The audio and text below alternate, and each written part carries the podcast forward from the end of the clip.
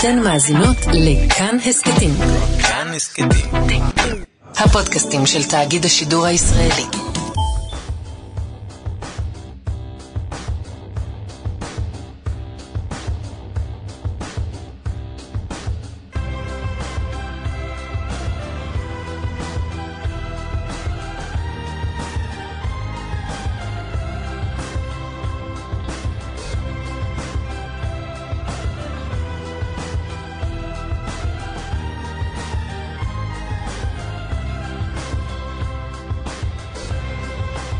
בוקר טוב.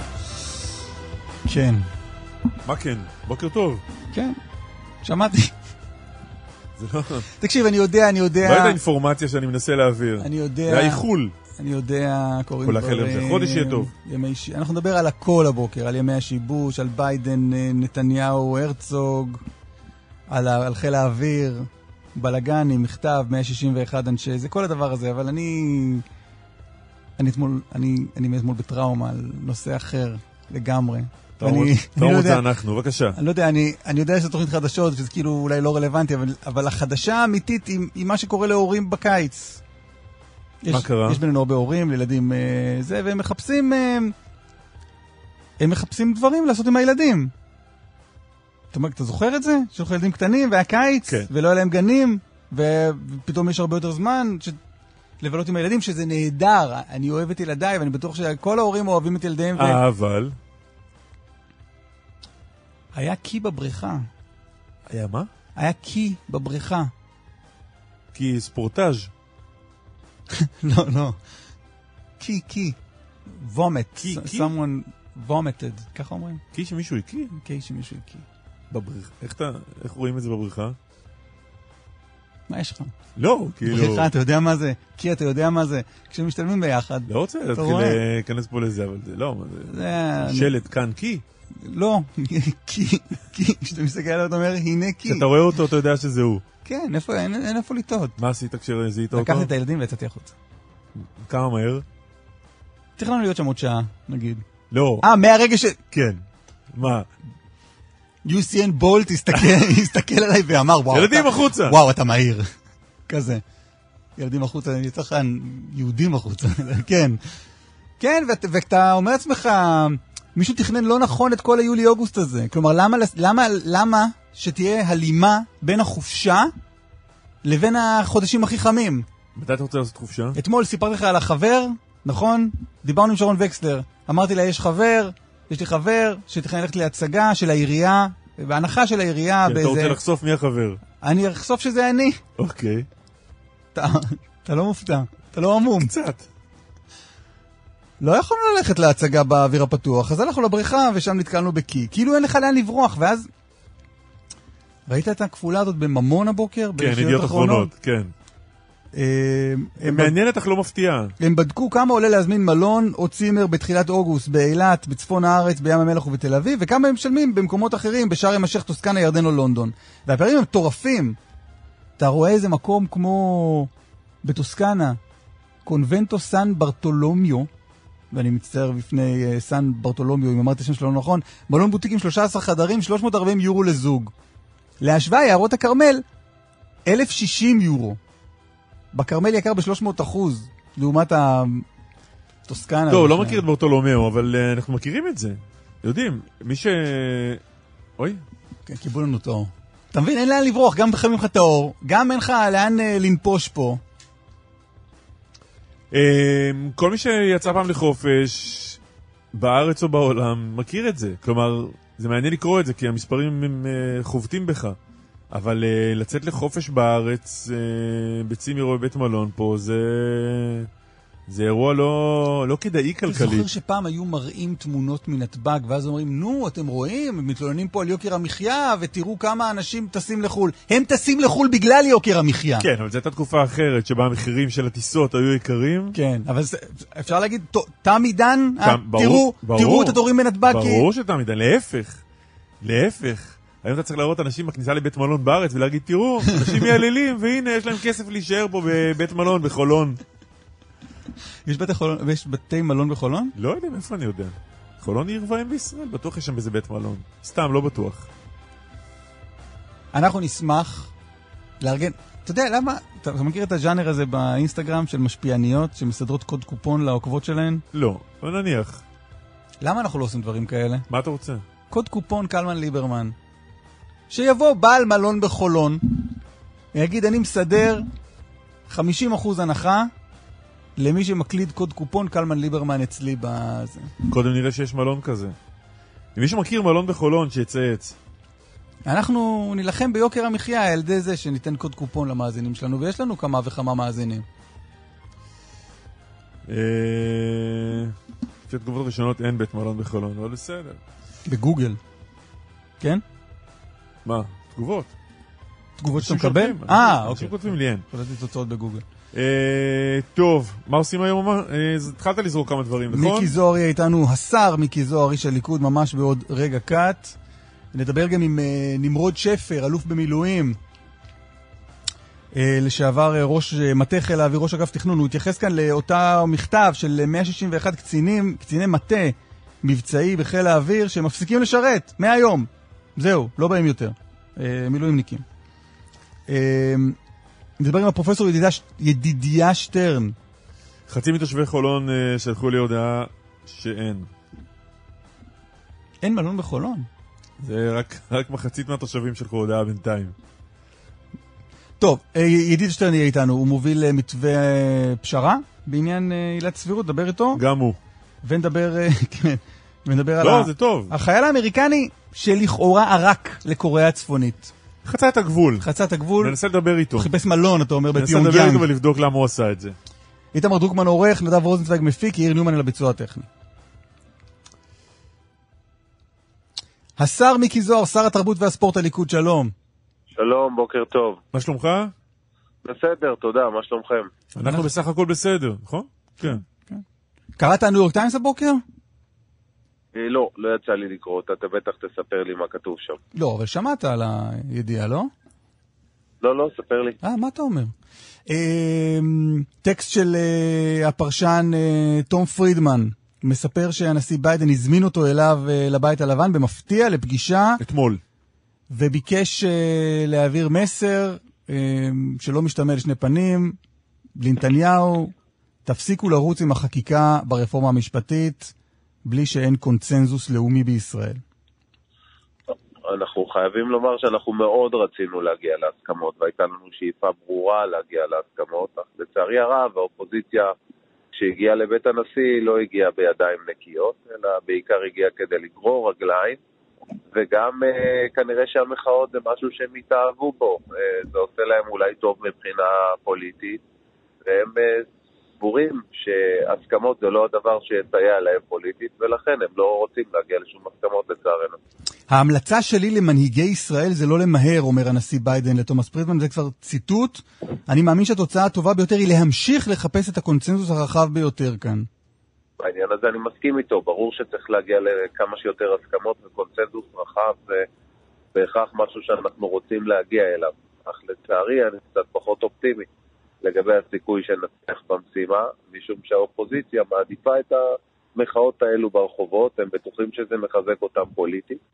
אה, יכול להיות אגב שהם גם צודקים, כי אנחנו רואים שבסקרים אנחנו לא תמיד אה, במצב אידיאלי, כי אנשים קצת נלחצים מהכאוס ומהלחץ. אה, ולכן אני לא מאמין שהסיכוי שנגיע להסכמות הוא גבוה. ואז תוך שבוע תעבירו את זה? או שתמשיכו אנחנו נעביר לנסות? את, אה, את צמצום עילת הסבירות אה, במושב הנוכחי. בשבוע הבא החוק יעלה לקריאה שנייה ושלישית, זה מה שאנחנו מתכוונים לעשות, ואני מעריך שהוא גם יעבור בכנסת ברוב של 64 חברים. זו המשימה ואנחנו ממוקדים בה. אני אתן לך עוד ציטוט של הנשיא ביידן מהטקסט הזה של פרידמן. הציטוט אומר ככה, ההפגנות נגד הרפורמה מעידות על הדמוקרטיה התוססת של ישראל. הדמוקרטיה של ישראל היא זו שצריכה להמשיך לעמוד במרכז מערכת היחסים בין ארצות הברית לישראל. עכשיו, אומר פרידמן, ממה שהוא מבין מביידן, אם לא נמשיך לחלוק יחד את הערכים האלה, יהיה קשה להמשיך ביחסים המיוחדים ששתי המדינות נהנו מהם ב-75 השנים האחרונות. אז אני פה כדי להרגיע, הדמוקרטיה הישראלית היא חזקה מתמיד. לדעתי ישראל היא הדמוקרטיה החזקה בעולם מבחינת הערכים הדמוקרטיים שבה אין מדינה שמשתווה לערכים הדמוקרטיים שיש בישראל, וזה מה שיימשך ויישאר. אבל מה אתה אומר לנשיא ביידן שאומר לכם, אומר לכם אחרת, שהוא רואה את הדברים אחרת? הוא אומר, אתם יכול- צריכים לעצור עכשיו, אחרת, אז יחסים בסכנה. תשמע, אני שומע היטב את הדברים שאומר הנשיא ביידן. אני באמת חושב שבמרוצת הזמן, גם בממשל האמריקאי, יבינו שאנחנו לא נוגעים ב- בשום דבר שקשור לדמוקרטיה הישראלית. ההפך, אנחנו מחזקים את הדמוקרטיה הישראלית. אך לצערי, צריך להגיד גם את האמת, יש פה לא מעט אה, אנשים אה, שהם אה, פועלים במודע נגד מדינת ישראל, ממש אה, פועלים נגד מדינת ישראל גם במסדרונות הממשל האמריקאי, ומפיצים על ישראל אה, דברים רעים. אגב, כמו? שה-BDS עושה. מי אלה? אני חושב שהשמות שלהם די ידועים, האמת שלא. שכולם כבר מכירים אותם. הם אה, גנרלים לשעבר ופוליטיקאים לשעבר שלא הצליחו... אה, שפועלים בארצות הברית נגד ישראל? הם מעבירים הרבה מסרים, גם בתקשורת הישראלית וגם אה, לא, טרנד. בתקשורת הישראלית זה עניין אחד. לפעול בארצות הברית נגד ישראל זה עניין אחר. אני חושב שזה המצב, לפחות ממידע שאנחנו קיבלנו, שהם פועלים אקטיבית מול אה, גורמים שנמצאים אה, בתוך אה, המסדרונות של, של הממשל האמריקאי, מול גורמים שמקורבים לנשיא ביידן, והם מעבירים אינפורמציה שקרית לחלוטין על מדינת ישראל. הם פשוט מציגים את ישראל כמי שפועלת בניגוד לערכים דמוקרטיים, משהו שקר אחד מופרך, ואנחנו משלמים על כך מחיר. אבל רק כדי. להבין מה אתה אומר. רק כדי להבין מה אתה אומר לנשיא ביידן, אתה אומר על הדברים האלה, שמענו, בסדר, אנחנו נתקדם בסוף, אנחנו בסוף נשכנע אתכם שזה בסדר, ואנחנו בינתיים מתקדמים כרגיל. אנחנו נשכנע את הממשל האמריקאי שזה בסדר, בדיוק כמו שהיום אנחנו מנסים לשכנע את הציבור הישראלי. אני חושב שגם מי ששם לב, אנחנו פועלים בשיטה שונה לגמרי ממה שהיה בתחילת הקדנציה. לא, אתה אומר אנחנו לא אנחנו- עוצרים, זה מה שאתה אומר. הוא אומר, קחו את אנחנו- הזמן כדי למצוא את הקונצנזוס, אתה אומר, אנחנו לא מוצאים את הזמן, אנחנו ממשיכים. כן, אנחנו ממשיכים בקידום החקיקה, זה נכון מאוד. ואני אומר שוב, היום אנחנו מבינים שעל אף שיש לנו 64 מנדטים בקואליציה ויש לנו רוב להעביר כל מה שנרצה, עדיין ברור לנו שללא אה, מה שנקרא אמון ציבורי או אה, דעת קהל אה, חיובית בכל סוגיה, יש קושי גדול לקדם אה, תהליכים דמוקרטיים, ואנחנו מבינים את זה. אנחנו יודעים שאנחנו צריכים את הגיבוי הציבורי לשם כך, ואנחנו גם פועלים בהסברה מאוד רחבה לציבור הישראלי. מבינים, הציבור הישראלי מבין יותר טוב היום מה זה צמצום עילת הסבירות, בשונה ממה שאולי ניסו לספר לו.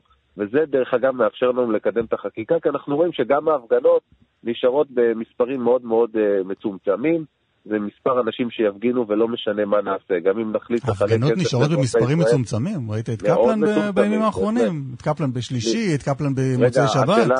השאלה, היא מי קבע את המספר, האם זה הרחפן או... לא, בסדר, המשטרה, לא, אבל- המספרים אינם, קטנים.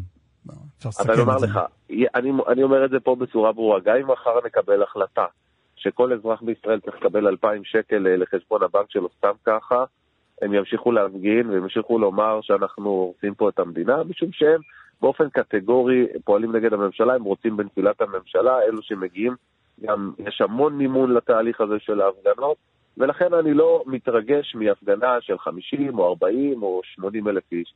אבל אם ההפגנות חלילה יתרוממו למספרים, כמו שהיה לנו באירוע גלנט, שראינו באמת שהייתה מחאה מאוד מאוד גדולה בכל מקום ברחבי ישראל, זו הייתה נקודת שבר שאנחנו הפנמנו שזה צעד רחוק. כן, ככה אתם מקבלים החלטות? התהליך. 40 אלף איש, אתה אומר, נמשיך עם המדיניות שלנו, 120 אלף איש, אולי כדאי לשנות מדיניות. ככה אתה מקבל לא. החלטות? לא, ממש לא. אני חושב רק שזה מדד להבין האם אנחנו הולכים בכיוון הנכון או לא. אנחנו צריכים לזכור, מדינת ישראל בעוצמה הדמוקרטית שלה, וטוב שגם אתה אומר למפגינים, חברים. אם אתם רוצים שאנחנו נפסיק עם כל הרפורמה הזו, פשוט עוד 50-55 אלף איש, ואנחנו חודלים את זה. כמה נהדר, זה- זה לא. מעניין. אתה נותן פה דלק- פנטסטי למחאת קפלן. וגם שיעור- מעניין. אני- קודם כל, באזרחות. אני, אני אשמח אם, אה, אם לא יכניסו לי מילים לפי מבלי שאמרתי אותם.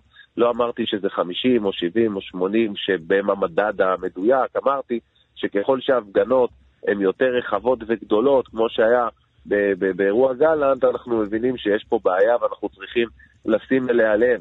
אבל אם אנחנו רואים שזה אותו קומץ של אנשים שמגיע באופן קבוע להפגין, זה לא יכול לשנות את ה... אין לכם תפיסת עולם שאתם. מאמינים בה והולכים איתה כי היא נראית לכם נכונה?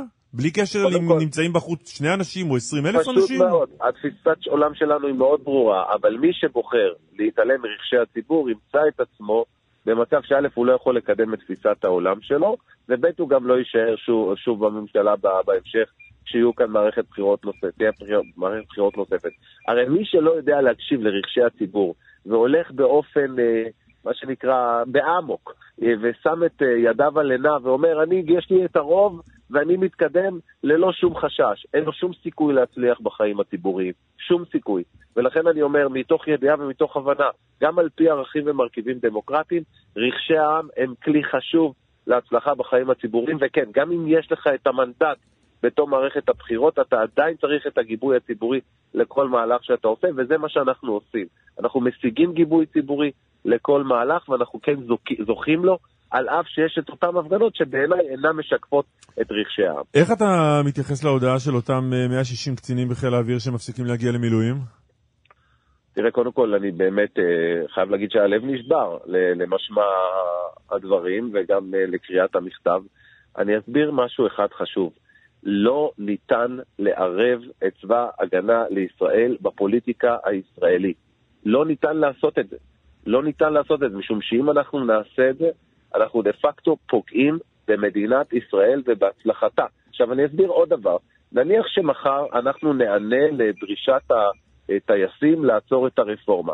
יבואו המכונאים המוטסים ויאמרו, תשמע אדוני, אתה לא תעצור את הרפורמה, ואם אתה עוצר את הרפורמה, אנחנו מפסיקים להבריג את הברגים של המטוס, או מפסיקים או לחמש את המטוס. שהטייסים הקשיבו לך ואמרו, אוקיי, אה, אומר אה, מיקי זוהר שקצת יותר הפגנות, קצת יותר להקשיב לרחשי העם, ישנו פה מדיניות, אז מחר יהיו לא 160 אלא 1,600 אז בחסותך. אתה יודע, אתה יודע, קלמן, כמה זמן אני אומר את המשפט הזה?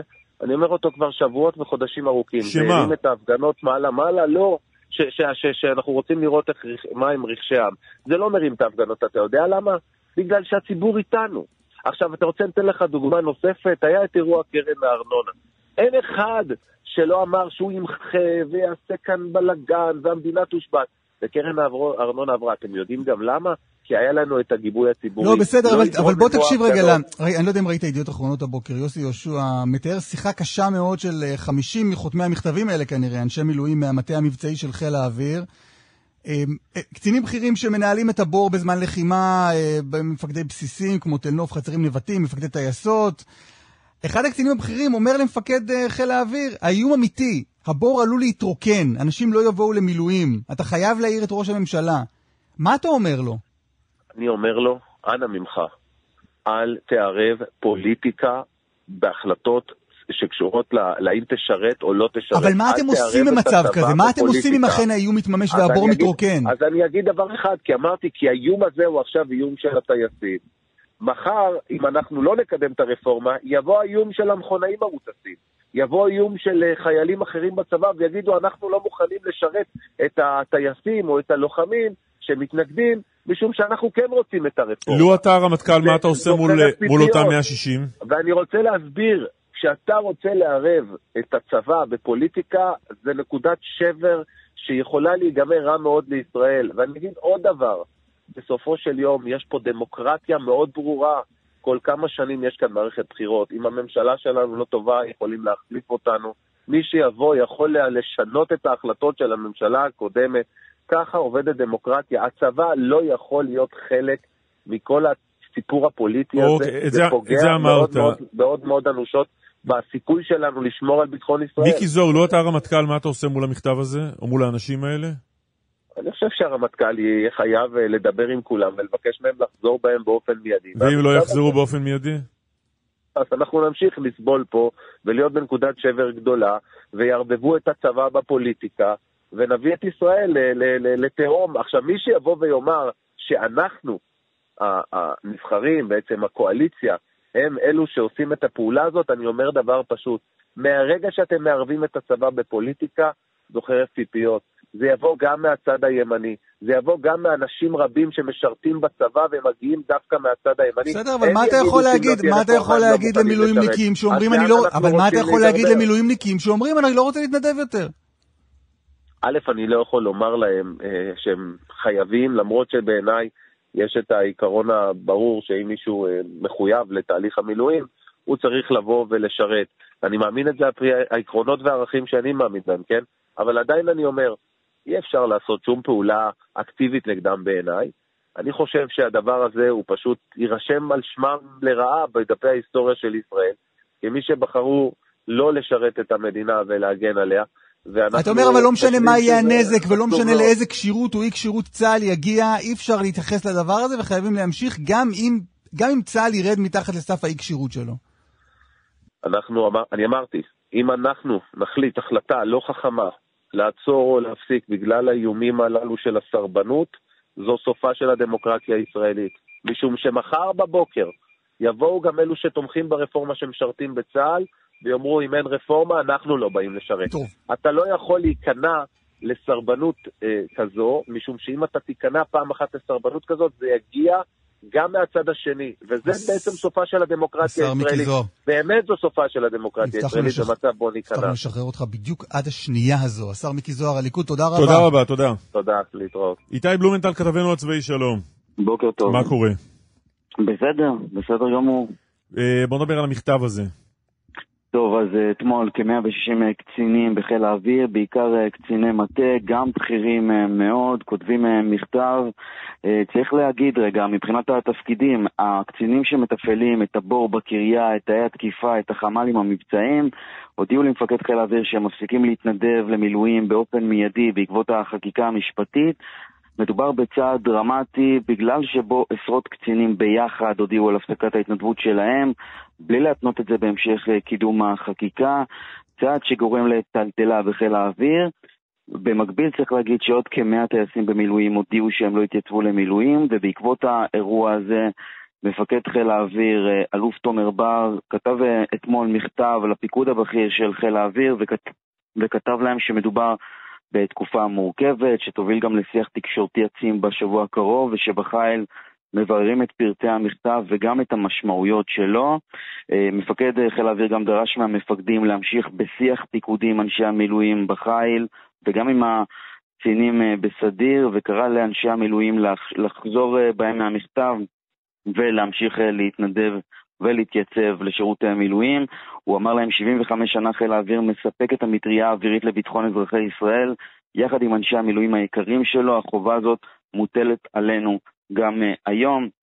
ללא ספק אה, אירוע דרמטי מאוד שקורה בחיל האוויר, כאשר uh, בחיל בוחנים גם את המשמעויות של ההודעה הזאת. איתי, תודה רבה לך. תודה. אלוף המילואים נמרוד שפר, לשעבר ראש מטה חיל האוויר וראש אגף תכנון, שלום, בוקר טוב. בוקר אור. שלומך הבוקר? מורכב מאוד. בוא, בוא נרכיב ביחד. קדימה. מה, תאר קצת מה מורכב. מה מורכב? אני מרגיש שגם חיל האוויר וגם צה"ל, גם מדינת ישראל, אבל לא על זה אנחנו מדברים, אולי כן, נמצאים בנקודת, אה, בנקודת שפל שאני לא מכיר כדוגמתה. תסביר. ההודעה של, של כל אותם עשרות אנשים, וגם ההודעות של עשרות, אולי יותר מזה, אנשים שמחכות בקנה, וגם uh, ההודעות של אנשים שלא יודיעו, אבל יפסיקו להתנדב, גם בלי להודיע, uh, ולא רק של אנשי חיל האוויר, אלא בצה"ל כולו, יוצרת uh, מצב של פגיעה ממשית, ממשית, בעוצמתו של חיל האוויר ושל צה"ל. אה, ובצורה שממש אה, ממש קשה להסביר עד כמה, והדבר הקשה בזה הוא שהכלים לפתור את המצוקה הזאת לא נמצאים בצבא, אלא רק בדרך מאוד מסוימת. אבל הביקורת שלך היא על החותמים או על מי? הביקורת שלי היא לא על החותמים, הביקורת שלי היא על, אה, לפני הכל על ממשלת ישראל שהובילה אותנו למצב הזה, באופן מאוד ספציפי על שר הביטחון. אתה מזדהה עם החותמים? אני מזדהה עם החותמים, כן. אני, אני אומר את זה, אתה יודע, אפשר לתקוף אותי בקלות כי אני לא עושה מילואים פעילים ואני לא טס במילואים יותר. אה, אז אפשר לתקוף אותי על האמירה הזאת, אבל אני מזדהה... לא, לא לתקוף, אבל נשאל, אבל, אבל ננצל את זה שפעם כן טסת. ניקח, ניקח דוגמה, לילה חיל האוויר, לפחות לפי הדיווחים בסוריה, הפציץ שם בסוריה. אם עובר התיקון הזה בעניין עילת הסבירות בקריאה שנייה ושלישית, ואתה עדיין טייס בחיל האוויר, אתה נכנס לקוקפיט או שאתה אומר, אני נשאר בבית? אני הייתי מודיע על הפסקת התנדבות. כן? כן. כן, ואני אגיד למה. כי אני חושב שאין, מדינת ישראל לא תוכל להתקיים בשום דרך אחרת שאיננה אה, דמוקרטיה אמיתית, דמוקרטיה מהותית. פשוט לא תוכל להתקיים. אה, יהיו אנשים שלא יחיו כאן במדינה שאיננה מדינה דמוקרטית. או לא דמוקרטיה על הנייר, דמוקרטיה מהותית, אני אבל לא רוצה להיכנס אבל לניתוח הזה, כולם מכירים. אבל אתה אומר שכבר הלילה לא היית נכנס לקוקפיט לבצע כי מה. שעושים האנשים האלה, מה שעושים האנשים האלה, הם מנסים למנוע באמת בכל כוחם את מדינת ישראל להגיע למצב הזה, שבו אה, היא תהפוך למשהו שאיננו דמוקרטיה ליברלית או דמוקרטיה מהותית. הם מנסים באמת בכל כוחם, זה קורע את הלב. אני, אני, אני באמת לא מאמין שהגענו למצב הזה, אבל הגענו, והם מנסים באמת למנוע בכל כוחם את המצב הזה, שנצטרך יום אחד להגיד, אנחנו כבר לא הדמוקרטיה הליברלית שהייתה פה 75 שנים. אה, ולא נוכל, לא נוכל להיות בה. אני חושב שבאמת מה שיקרה, מדינת ישראל לא תוכל להתקיים כמדינת אה, עולם שלישי, פשוט במקום שבו אנחנו בגלל נמצאים צמצום עילת הסבירות הפכנו לדיקטטורה? לא, אבל קלמן, עזוב רגע את הדבר הזה. יש אה, מאות אלפי אנשים במדינת ישראל שחושבים שכן, אז אל, אל תנסה לשכנע אותי שלא, בסדר? זה לא רלוונטי. יש מאות אלפי אנשים לא, אני לא מנסה לשכנע, אבל... אבל- שחושבים, יש מאות אלפי ישראלים שחושבים שהתשובה לעניין הזה הוא כן. נו, ו... עכשיו הם עושים כל מה שהם יכולים כדי למנוע את זה. ואנשים ש, אה, שמשרתים במילואים שנים, משרתים את מדינת ישראל במילואים, אנשים שחושבים שזה המפתח להפוך את מדינת ישראל למדינה שאיננה דמוקרטית, עושים כל מה שהם יכולים כדי למנוע את זה. אתה יודע מה, אני מקבל את מה שאתה אומר. שם בצד את הדיון הזה, האם משהו שאהרן ברק היה מוכן לוותר עליו, יש מי שרואה בו דיקטטורה. שם את זה בצד, נניח שמאות האלפים האלה חושבים שכן, אבל אתה מבין בסוף שבשורה התחתונה המשמעות של ההחלטה הזו שלך, או האמירה שלך, היא פירוק צה"ל והפקרת המרחב האווירי שלנו לאויב? לא, זאת לא האמירה. האמירה היא שהם מוכנים לקחת עכשיו סיכון גדול מאוד, מבחינה אישית בוודאי, סיכון גדול מאוד כדי למנוע את המצב הזה שבו מדינת ישראל, לפחות לפי תפיסתי, תפסיק להתקיים. כי בעתיד, אם היא לא תהיה דמוקרטיה, אני לא רואה שום דרך שהיא מתקיימת. היא לא יכולה להיות פה אה, מדינה חלשה, כלכלית, צבאית, אה, מדעית, אקדמית, היא פשוט לא תהיה. אבל תקשיב רגע, ואת זה מנסים ש- למנוע. אלוף שפר, גם- גם לשיטתך, אני תוהה- אני תוהה רגע, אבל גם לשיטתך, כן. גם לשיטתך, אה, אה, כשאתה אומר, נגיד, בסוף, בסוף התהליך הזה ישראל תהיה דמוקרטיה חלשה יותר, אני אשתמש את זה נגיד במילים שלי, יש עכשיו דיונים. יכול להיות שה, ש, שהדייסה הזאת תצא אחרת בסוף התהליך. אתה אומר המנוף הזה זה מנוף, זה מנוף דרמטי. אתה אומר צריך לתקוף עכשיו בסוריה, בגלל איום ביטחוני. אני לא עושה את זה עכשיו, עכשיו, ברגע הזה אני לא מוכן לעשות את זה. זו לא הגזמה? לא, זה לא הגזמה. כשהמצב כל כך קשה, אה, אנשים עושים כל מה שהם יכולים. כל מה שהם יכולים, ובאמת, אני, אני לא בטוח שאתם יכולים להבין עד כמה המעשה הזה הוא קשה מבחינתם, אה, אבל באמת זה הדבר הכי קשה שאנשים הסיפור הוא לא יכולים סיפור לעשות, אישי והם שלהם. מבינים... אנחנו מדברים על הם- המדינה, לא על ההחלטה האישית הקשה שלהם. הם לא חשובים, אף אחד כן, מאיתנו כן. לא חשוב. יש כאן מדינה. קלמן, בראייתם, בראייתם הם מצילים את המדינה בעשייה הזאת. מצילים את המדינה. לא אבל פחות, ברור לך שביטחון, ממש המד... לא. ברור לך כאלוף במילואים, כאיש בכיר מאוד במערך הביטחוני עד לא מכבר, שכשהם לא נמצאים בצבא, לא משנה אם עשרה, מאה, אלף כאלה, מצבנו הביטחוני טוב פחות, זה ברור, נכון? ואפילו ברמה הנקודתית של אותה תקיפה נדרשת בסוריה. אתה צודק, אבל ברמה הנקודתית הם מוכנים לקחת את הסיכון הזה כדי להציל את מדינת ישראל בטווח הארוך. וזה מה שהם אומרים לנו. הם אומרים לנו, מדינת ישראל שלא תהיה דמוקרטיה אמיתית, פשוט לא תהיה, ואת זה אנחנו רוצים למנוע, גם במחיר של הפגיעה הנקודתית. זה מה שהם אומרים לך. באמת, בקול גדול ובשבר עצום. אני מכיר חלק גדול מאוד מהאנשים האלה בכאב לב ענק, והם אומרים, אנחנו ניקח את הסיכון הזה עכשיו כדי למנוע סיכון הרבה יותר גדול בעתיד, והסיכון הזה בראייתם, בראייתי גם כן, שמדינת ישראל פשוט לא תהיה פה. אתה מבין מה, למרות שאתה אנחנו מבין לא מה זה כשמדברים. על דמוקרטיה ומשתמשים במילה הזו כל כך כן. הרבה, אתה מבין מה זה במובן הדמוקרטי, מה זה אומר שקבוצה של לובשי מדים מנסה להכריע ממשלה נבחרת או כנסת נבחרת? זו דמוקרטיה? קלמן, אין פה קבוצה, יש פה אנשים אה, פרטיים, אזרחים במדינת ישראל, שכל אחד עושה את השיקול לא, זה לא נכון, זו קבוצה, בחיל, צריך להגיד את זה לא, ולדייק, זו לא קבוצה, קבוצה. זו לא, קבוצה. זה לא נכון, האוויר- לא קבוצה. אז אני אגיד לך, מה אני- שהופך, אני אגיד לך למה, אותם לקבוצה, זו התארגנות, זו התארגנות, בחיל האוויר יש התארגנות כדי להחתים טייסים. אין, אין שום התארגנות. יש התארגנות, אני עומד על זה, יש אולי של התארגנות. אנשים בודדים. לא, יכול להיות התאר- שאתה עומד על אז זה. אני אגיד- אז אני לא מכיר. שום התארגנות. כן. אז, אני, אז אני מכיר, אז אני אגיד לך. יש התארגנות בחיל האוויר, זה לא החלטה מצפונית של כל אחד, יש, בסוף זאת החלטה כזו. יש התארגנות כדי להחתים אנשים מטייסות שונות, כמה שיותר אנשים, על המודעות האלה.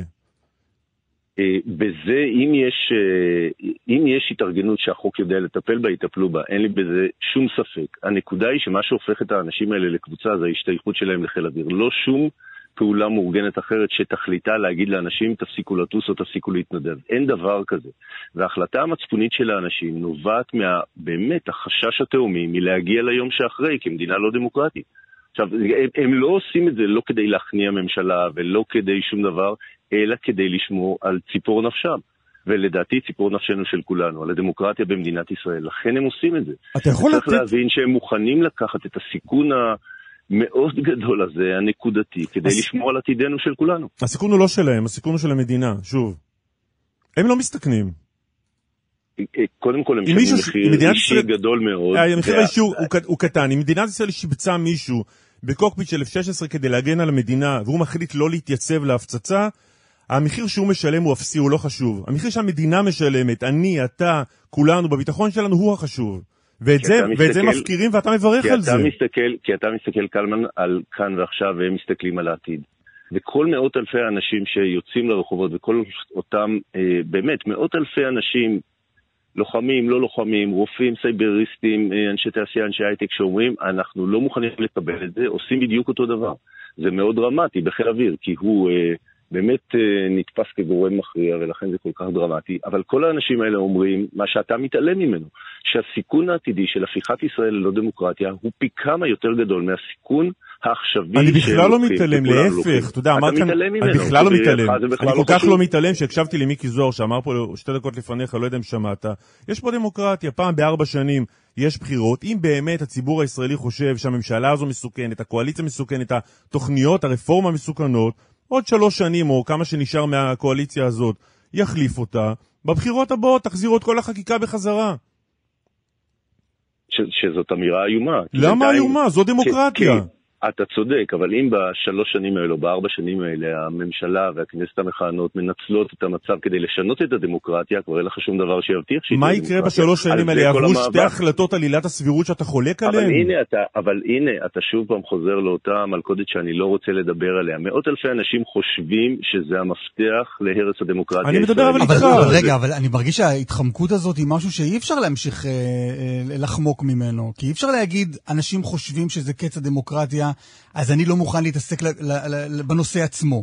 צריך להגיד, להשיב על השאלה, למה ביטול אז עילת אני הסבירות מבחינתך הוא קץ אז הדמוקרטיה. אני, אשיב, אז אני אשיב לך, זה המפתח לקץ הדמוקרטיה, זה כשלעצמו זה לא, אבל זה המפתח. כי ממשלה אה, שאין עליה את, אה, את העול הזה של קבלת החלטות סבירות, ויודעת שהיא לא עומדת לשיפוטה של, אה, של הסבירות בקבלת ההחלטות שלה, היא ממשלה מסוכנת מאוד. כבר היום הממשלה הזאת עושה דברים נוראים בעיניי, אבל אה, כשלא יהיה ה... ה לא יודע אם לקרוא לזה שוט, אבל כשלא תרחף עילת הסבירות, קרי ההכרח לקבל החלטות סבירות, אה, זה בדיוק המפתח. החלטות מנהליות, החלטות. מנהליות, מנהליות על ידי הממשלה, תן לי תרחיש שאתה חושש ממנו.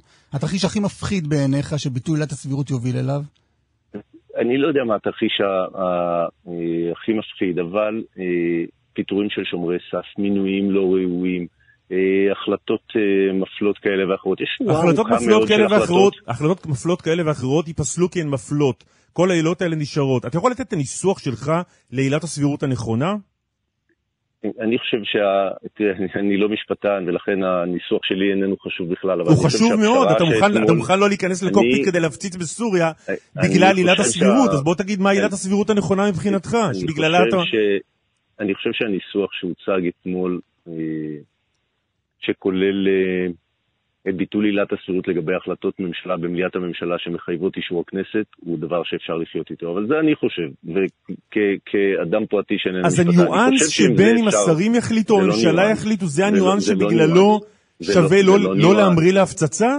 זה לא ניואנס, אתה מקטין כל הזמן את ההחלטה הזאת ומגמד אותה ומנסה להגחיך אותה, אבל לא זה לא מגחיך, ניואנס. אני כי לא מגחיך. המקום קלמן שבו אה, שרים יכולים לקבל כל החלטה, הרי למה הם נאבקים? למה באמת הממשלה נאבקת כל כך על החקיקה הזאת? אם מה שאתה אומר היה נכון, הם היו אומרים, בסדר, זה לא כל כך חשוב, בוא נתקדם הלאה, נתחיל לנהל את המדינה, מה שלא קורה כבר חצי שנה.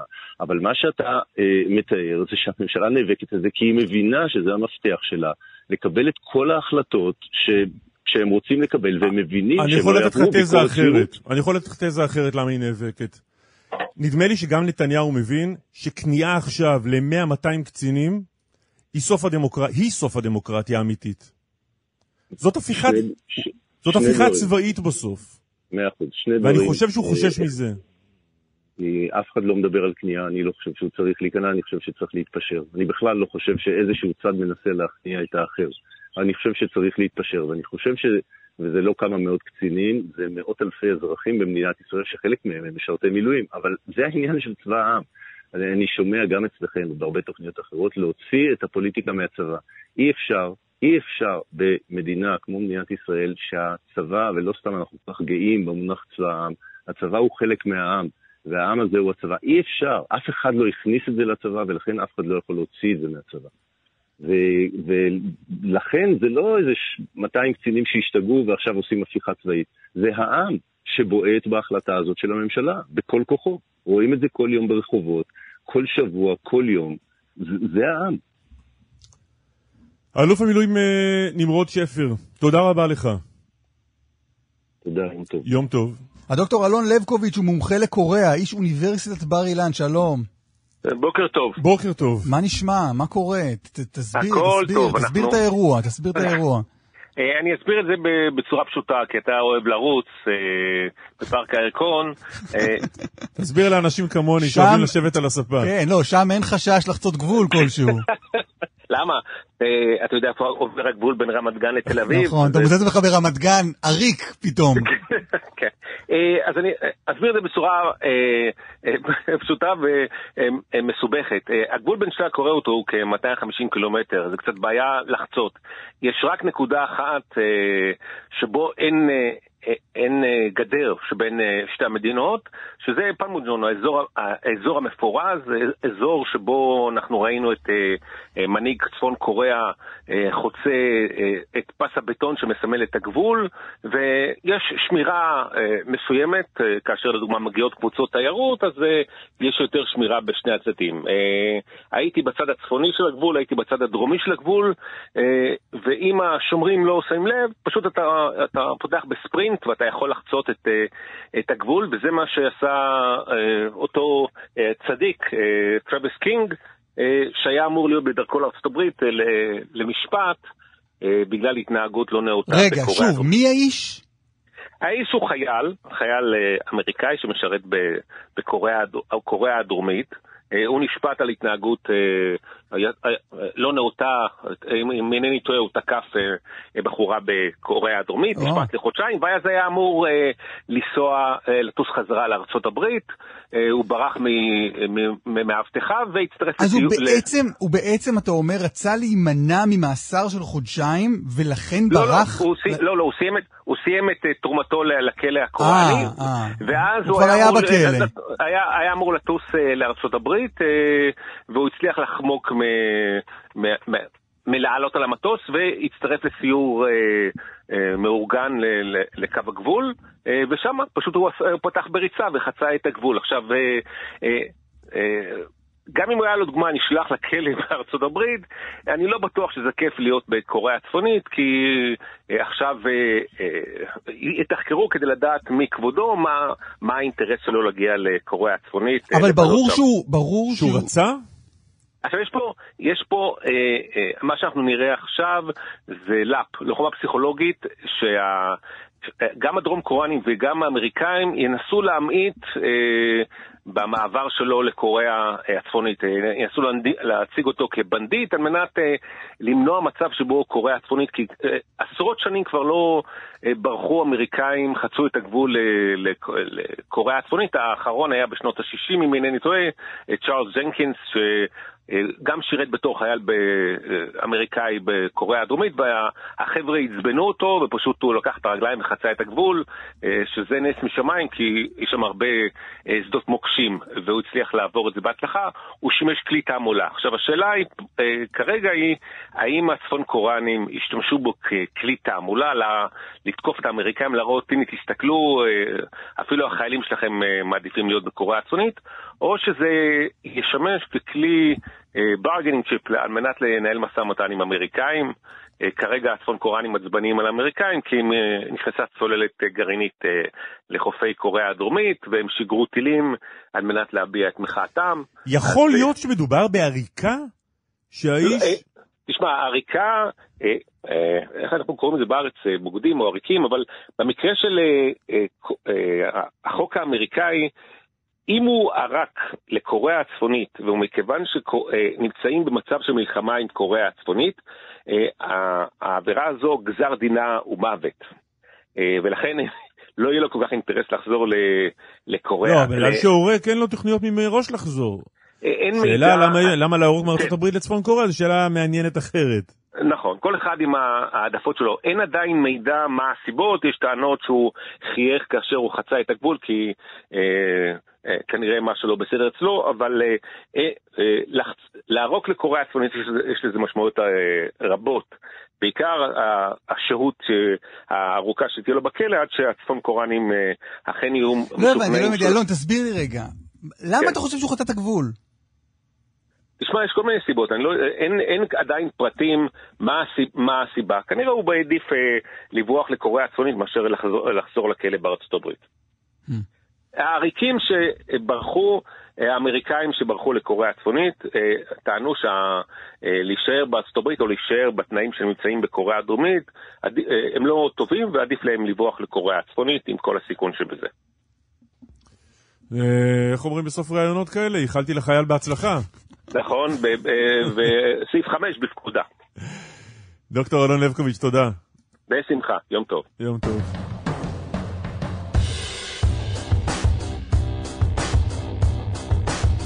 מה היית עושה אם היית עורק לצפון קוריאה? אה, מחפש מלון. לא? זה לא חולון, זה צפון קוריאה. מנסה להסתדר. מנסה להסתדר זה טוב, כן. לא, אז איך אתה מסתדר? מחפש מקום ללון. נכון. מחפש, אה, לא יודע, כן. קרובים, לבדוק, לבדוק, אני אשאל את אבא שלי אם יש לנו קרובים בקוריאה הצפונית שאפשר להיזרק אצלם. כן. אני אכתוב בטוויטר. התחלה טובה. אני אכתוב בטוויטר, היי, הגעתי לקוריאה הצפונית. מי מכיר משהו? זה, כן, מקום טוב לאכול. השתק קלמן ליברמן. כן, כן. שיהיה לך בהצלחה.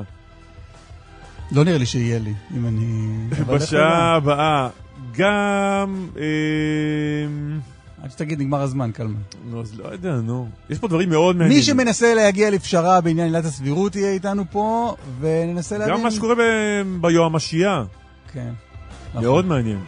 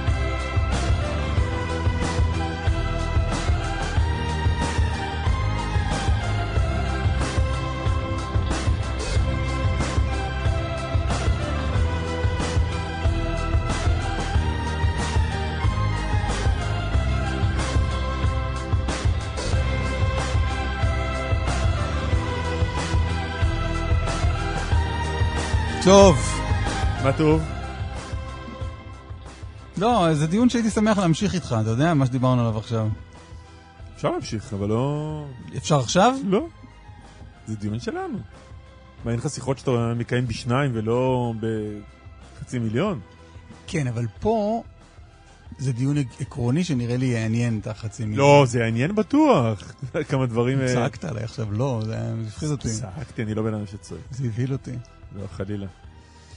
טוב, אה, בוא נדבר אה, עם הפרופסור ידידיה שטרן, שלום. שלום, בוקר טוב.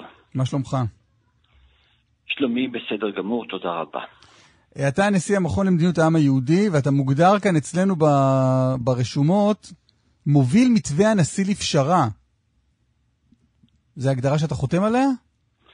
אה, לא, הנשיא מבחינתי לא מעורב אה, במה שאנחנו מנסים לעשות. הסיפור שידידי רז נזרי ואנוכי, שנינו, אה, כשגמרנו למרות את שערותינו המתדלדלות, שאלנו את עצמנו האם עוד ניתן משהו לעשות כדי להציל את הקטסטרופה שהיא כל כך לא פרופורציונלית לנושא האמיתי של סדר היום, שזה הסבירות.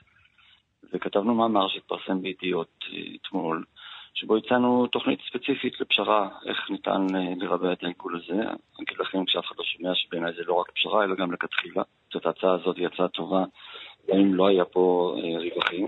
אבל תקן אותי אם אני טועה, דידיה שטרן, הבעיה זה לא נוסח פשרה, או נוסח בכלל, אלא, נכון. אלא לנהל שיח בין שני הצדדים. הפערים נכון. הם לא, לא, לא אם אתה מסתכל על זה מצד ימין, לא מצד שמאל, לא מצד שבעד, לא מצד שכנגד, הפערים הם לא אה, הרי גורל. אני מאוד מסכים, אני רוצה לומר, יש פה שלושה מישורים. מישור אחד זה מישור מקצועי, דהיינו איך ייראה החוק הישראלי בהקשר הספציפי של סבירות, שבהקשר הזה אנחנו מציעים את הפתרון שאנחנו מציעים, שאני רק רוצה להשלים, בעקבות המאמר הזה באמת קיבלנו פניות אה, מכל העולם אה, כדי לנסות לקדם את זה, הכל אה, נראה טוב, חוץ מזה שכל מי שהסכים להצעה שלנו אמר אני מסכים, אבל הוסיף אבל, והאבלים לא מתיישבים אלו עם אלו. אבל לחזור לשאלתך, קלמן, אתה צודק, ברור לגמרי שיש פה לפחות שני מישורים יותר חשובים מהמישור המקצועי. קודם כל המישור הפוליטי. למרבה הצער, אנחנו לא נמצאים ברגע שבו המנהיגים הפוליטיים שלנו, ואני כולל בזה את כולם, כולל כולם, מוכנים uh, לקבל החלטות שהם רואים את טובת הכלל מול עיניהם, ולא רק את הטובה של האינטרס הפוליטי שלהם. זה כמובן מאוד מקשה לקדם כל דבר, גם אם מגיעי, וגם אם מאחורי מסך בערוץ ניתן היה להסכים עליו. זה המישור הפוליטי, ועוד יותר מקשה וחמור, בעייתי ולא פתיר כמעט, זה כמובן המישור הרגשי. מדובר פה באנשים שיש להם עבר, היסטוריה, חוסר אמון שיורד לשורש, וגם אם נניח ניתן לרבע את העיגול המקצועי ואת העיגול הפוליטי, האנשים הללו במידה רבה מאוד לא מאמינים אחד לשני, לא סומכים אחד על השני, ולכן מתקשים להגיע להסכמה. ולכן אתה עושה כל... מה בעצם? עכשיו, כל זה יכול היה לגרום לי ללכת הביתה ולהגיד שלום עלייך ישראל. מה אני יכול לעשות? יחד עם זאת, אני לא חושב שזו גישה נכונה. אני משתדל להיות אקטיביסט במישור שהוא רלוונטי למומחיות. ולכן רז ואנוכי ישבנו, הכנו את המאמר הזה ואת ההצעה הזו, ובמידה מסוימת, למרבה השמחה, אה, זה מאמר בעיתון כולה, כן? יצר גלים מאוד משמעותיים אתמול, כולל בלשכות הגבוהות ביותר של כולם. זה מלמד אותי לפחות, שאם לא עושים עליי ספין, שזו תמיד אפשרות, אם לא עושים עליי ספין, אז יש פה איזה ניסיון אמיתי מצד כולם להיאחז באיזשהו קש ולהציע איזשהו פתרון שאפשר לחיות אותו. מה זאת אומרת לחיות איתו? שמצד אחד הקואליציה תוכל לממש את הרוב הקואליציוני שיש לה, ואני מכבד אותו, 64 ח"כים זה דבר בדמוקרטיה שהוא משמעותי, ולכן מגיע לה להשיג הישגים על פי השקפת עולמה מצד אחד. מצד שני, ההישגים הללו צריכים להיות כאלה שמתאים שהם יתקבלו שלא בהסכמה רחבה. עדיין הם לא יכולים להיות משנים עד היסוד את השיטה, אלא עובדים בשיטה ומשנים אותה. מה שאנחנו מציעים הוא מעין זה. ואני חייב לומר שההרגשה שלי שכפסע בינינו לבין הצלחה, כשהפסע הזה הוא פסע גדול יחסית. עוד שנייה לפני ההצעה עצמה, הייתה לכם פנייה מלשכת ראש הממשלה להתערב, לנסות? אני לא רוצה להתייחס לשום דבר מהסוג הזה, וכל הזמן אה, התנהלו עד אמצע הלילה האחרון שיחות כאלה ואחרות, לא אגיד מי ולא אגיד באיזה היקף, אבל התשובה היא שזה נראה על פניו רציני מאוד ברמות גבוהות. אתה אומר, פסע, אנחנו כפסע מהצלחה. מהצלחה לקבל את המתווה הזה. אני אגיד לכם יותר דבר, עוד דבר. מה זה אומר, רגע, לא, מה זה לקבל את המתווה הזה?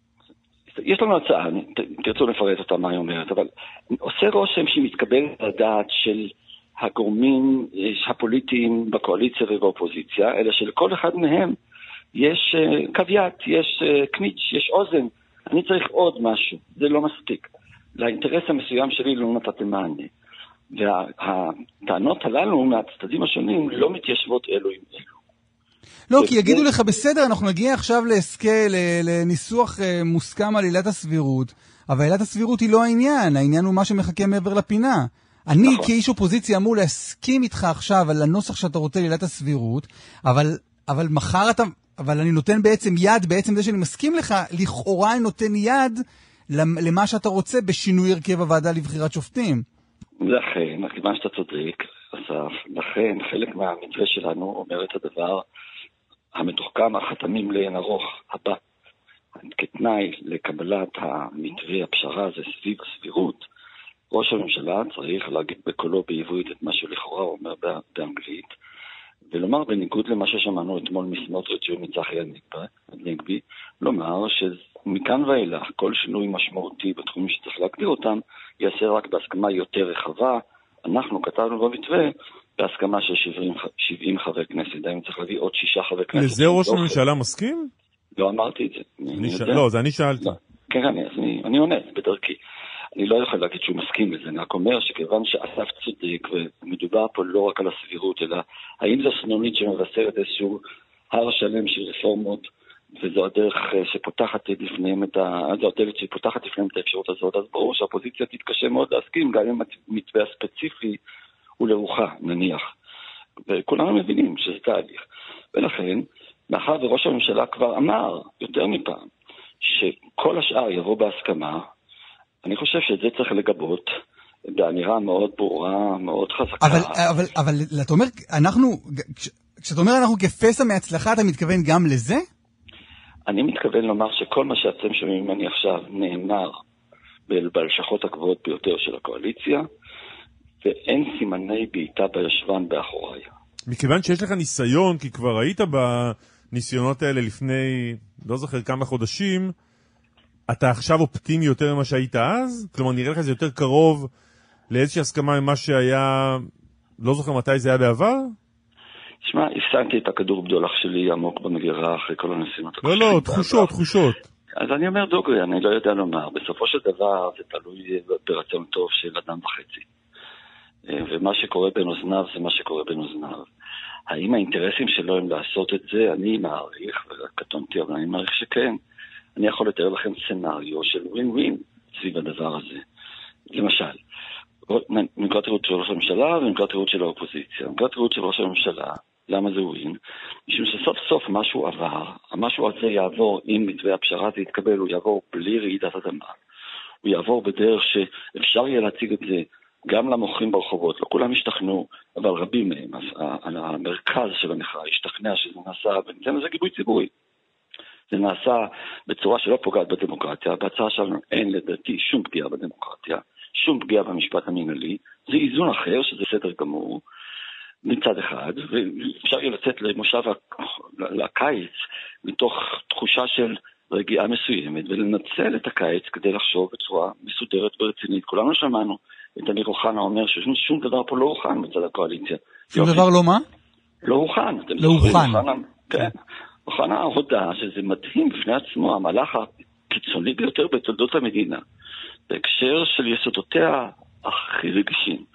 הוא עלה על סדר היום בארבעה בינואר, בלי שום עבודת הכנה, שאדם כמו אוחנה, ואני מבין שגם ראש הממשלה, לא ידעו מה ייאמר, לא עשו תוכנית, לא מה ייאמר, לא איך ייאמר, מה הגאנט להשגת ההישגים, לאן רוצים להגיע, מה התחנה הסופית, כל הדברים הללו נעלמים, אנחנו לא יודעים. אוקיי, בואו נסגור את האירוע הנוכחי בפשרה סבירה, נקודת ראות של הקואליציה כרגע, אני אומר, נציג ליריב לוינים של העולם הישג ראשוני, לא עזבנו את העניין, הוא קיים, יש לנו הישג קונקרטי, לקחנו, לא דיברנו עדיין על התוכן של הפשרה, אבל למשל, הצלחנו לחסן את החלטות הממשלה מפני עילת הסבירות של בית המשפט, הצלחנו לחסן את העניין של מינוי שרים וסגני שרים שהסבירות לא תחול עליו, זה חלק מההצעה שלנו, זה הישג מנקודת ראותם, ובזה אנחנו פורשים עכשיו לאסוף את הכוחות, לחשוב מחדש, לשאול מה הגיוני, למדנו שהציבור בישראל יצא לקרב, מה זה אומר? אתה חושב ש... אבל ההצהרה של נתניהו פה היא מעניינת, אני חוזר רגע לנקודה שאמרת שעל פי המתווה נתניהו צריך להצהיר שהצעדים הבאים יעשו ברוב של 70 ח"כים. אתה חושב שהצהרה כזאת תרצה את האנשים שלא מאמינים להצהרות של ראש הממשלה, שאיך לומר בעדינות, זה הרבה אנשים? כן, עם רקורד מוכח, כן, בואו לא נהיה כל כך כן. עדינים. כן. יש סיבה טובה לחשש הזה. אז ברור שכולנו מבינים את זה, וברור שזה מעכב. זה המישור הרגשי שהתייחסתי אליו מקודם. אין אמון. יחד עם זאת, מה נעשה? אז עכשיו נשבור את הכלים כי אין אמון, עכשיו נצא לקרבות רחוב ונשבור את רוח העם ואת הצבא ואת הכלכלה כי אין אמון. מה שצריך לעשות, לעניות דעתי, זה לנסח הצהרה מהסוג הברור ביותר.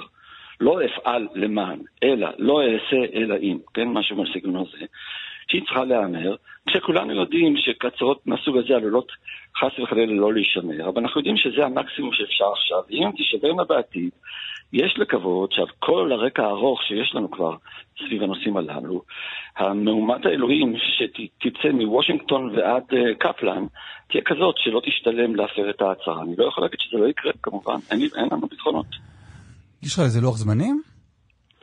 הבעיה העצומה היא שפחות או יותר כשאנחנו מדברים, ממש כרגע נסגר, הולך ונסגר חלון ההזדמנויות האמיתי לשינוי אה, הצעת החוק מסיבות פרוצדורליות של הכנסת. כי אם הדרך האלגנטית לשנות, אני לא רוצה לשעמם את המאזינים בפרוצדורה, אבל הדרך הפשוטה לשנות את ההצעה לכיוון המתווה שמוצע, היא באמצעות ש... ש... קבלת הסתייגויות שנמצאות כבר עכשיו על השולחן בדיון בוועדת חוקה. ואז זה לא הליך חדש, זה אותו הליך, פשוט ההסתייגות התקבלה.